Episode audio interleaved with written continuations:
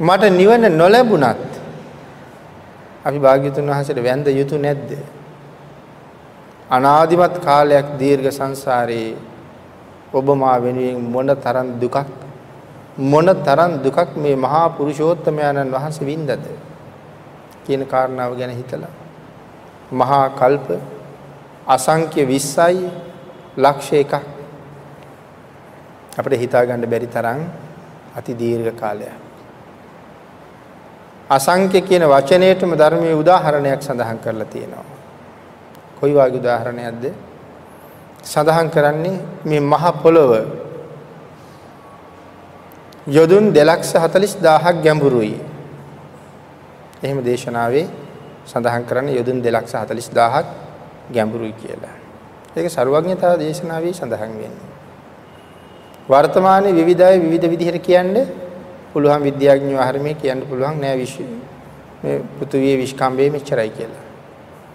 අපිට ඒව වැඩක් නැහැ මොකද භාග්‍යතුන් වහන්සේගේ ඥානීය ගාවට ළඟා වෙන්න පුළුවන් අය තවම නැහැ. ඒ නිසා මේ යොදුන් 240000ක් මේ ඝන පොළව ඝනකඩයි කියලා සඳහන් කරලා තියෙනවා ධර්මයේ. එහෙම සඳහන් කළේම අපිට ඇති වෙන්න පුළුවන් යම් යම් සිතුවිලි අලුත් අලුත් සොයා ගැනීම අලුත් අලුත් මතවාද ගණන් ශාස්ත්‍ර ඔස්සේ මේ දෙක සංසන්දනය කරන්න ගියොත් අපිටත් වරදින්න වරදින්න පුළුවන්. එහෙම සඳහන් කළේම ලිපියකින් දැනුම් දීමක් කරලා තිබුණ එක පුද්ගලෙක් ස්වාමීන් වහන්සේ වහන්සේගේ දේශනා මමත් අහනවා. නමුත් ලෝකයකට මේ කරන දේශනාවෙන් මෙන්න මෙවන් සාවද්‍ය ප්‍රකාශ කරන්න එපා කියලා. කරුණු කීපයක් සඳහන් කරලා තිබුණා. එහෙම අයට අපි අනුකම්පා කරන්න ඕනේ. ඒ සාවද්‍ය ප්‍රකාශයක් තමයි මේ මහ පෘථිවියේ තියෙන මේ ඝනකඩ බව. භාග්‍යතුන් වහන්සේගේ දේශනාවේ සඳහන් කරන්නේ පළවෙනි අපාය අපට හම්බ වෙන්නේ යොදුන් 15000ක් යටින් කියලා. මහ පොළවේ යොදුන් 15000ක් යටින්. ඔහු සඳහන් කළ රූප රාමුවකුත් ඇඳලා එවල තිබුණා.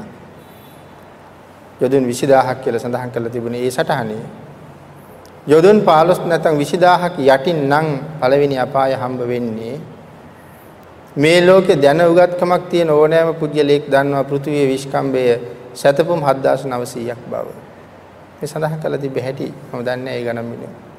සතපුම් 7900යි තමයි පෘථිවියේ විශ්කම්භය. ඒ හැටියට කල්පනා කළොත් ඔය අපායේ තියෙන්න ඕනේ පොළොවේ යට නෙමේ අහසේ උඩ කියලා. නමුත් අපිට භාග්‍යතුන් වහන්සේ දේශනා කරලා තියෙන්නේ යොදුන් 240000ක් මේ මහ පොළොව ඝනකඩ බව. එhmenan විද්‍යාඥයෙක් සරණ යනවට වඩා අපි සරණාය ආයුත්තේ භාග්‍යතුන් වහන්සේ. තාම අපිට භාග්‍යතුන් වහන්සේ සරණ යන්න බැරි වීමේ ප්‍රතිඵලය නිසායි අපි තාමත් මේ සංසාරේ මෙහෙම ඇවිදින්නේ උන්වහන්සේට අකීකරු වීමේ ප්‍රතිඵලයක් හැටියට. උන්වහන්සේට අකීකරු නොවි ඉස්සරහට අපිට යන්නත් අන් අයට ඒ මග කියන්නත් තමයි මේ කල්යාණ මිත්‍රයන්ගේ මේ වෑයම. මේ යොදුන් 240000ක් ඝනකඩ බොල් පොළොව මුං යට මුං යට වගේ කෑලි වලට කැපුවොත් මේ පොළවෙන් කෑලි අසංකේයයක් කපන්න බෑ කියලා සඳහන් කරනවා. එතකොට අසංකේය කියන ගාන ගැන අපිට හිතන්න පුළුවන් කමක් නැහැ. එහෙමනම් එක මහා කල්පයකට අන්තර් කල්ප 256කුත් එක අන්තර් කල්පයකට අසංඛ්‍ය 86 ලක්ෂ 40000ක් මනුස්ස වර්ෂ වලින් ආයුෂ තියෙන බවත් සඳහන් කරලා තියෙනවා. ඒ කියන්නේ සීමාවක් නැහැ කියන එකයි අන්තර් කල්පය ගැනවත් අපිට හිතන්න හිතන්න බෑ. එහෙමනම් එවන් මහා කල්ප අසංඛ්‍ය 20යි ලක්ෂ එකක් මේ සංසාරේ මේ තරම් දීර්ඝ ඈත ගමනක් එන්නේ වෙන කිසි දෙයක් නිසා නෙවෙයි මේ සසර දුක් විඳින සත්‍යයන් සංසාරයෙන් එතර කරවීමේ පරම අභිලාෂය ඇතිවමයි එhmenan ඒක මොන වාගේ වීරියක්ද කියන කාරණාව හිතන්න අපේ මේ හිස් මොළ වලට හැකියාවක් ඇත්තෙම ඇත්තෙම නෑ ඒ වීරිය ගැන කල්පනා කරන්න. නමුත් අපි වෙනුවෙන් ඒ තරම් වීරිය වඩාපු ඒ තරම් දුක් විඳපු තව කෙනෙක් මේ ලෝකේ මේ ලෝකේ වෙන නැහැ. ඒ නිසා අපි විසින් භාග්‍යතුන් වහන්සේට වන්දනා කළ යුතුයි. වෙස්සන්තර බෝසතාණන් වහන්සේ අපවත් වෙලා අවුරුදු 57 කෝටි 60 ලක්ෂයක් තුසිත භවනේ ආයුෂ භුක්ති විඳලා.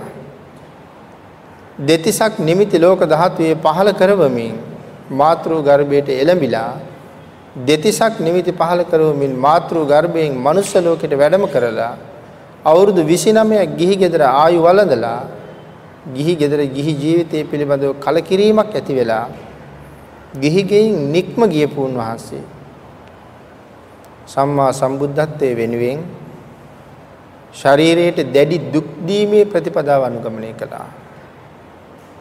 ශරීරයට දැඩි දුක් දීම අත්ති කිලමතානුയോഗය දුර්ගේශ්වරී කියන කඳුවැටියේ ප්‍රදේශයට වෙලා දවසින් දවස දවසින් දවස ආහාර වර්ජනය කර කර අන්තිමට පාත්‍රයට වැටෙන gediyak පාත්‍රයට වැටෙන කොලයක් පමණක් ආහාරයට ගනිමින් ජීවත් වෙච්ච කාලේ සරියුත් මහරහතන් වහන්සේටම සඳහන් කරනවා සාරිපුත්ත මගේ බඩ අතගාපු වෙලාවේ මට අහුනේ කොඳු වැටේ. මගේ කොන්ද අතගාපු වෙලාවේ මට අහුනේ මගේ බඩ පොත්ත. මේ ලෝමගස් මැරිලා අතපය අත ගන්නකොට මුල මැරිච්ච රෝම කූප ගැලවිලා හුලඟ යනවා.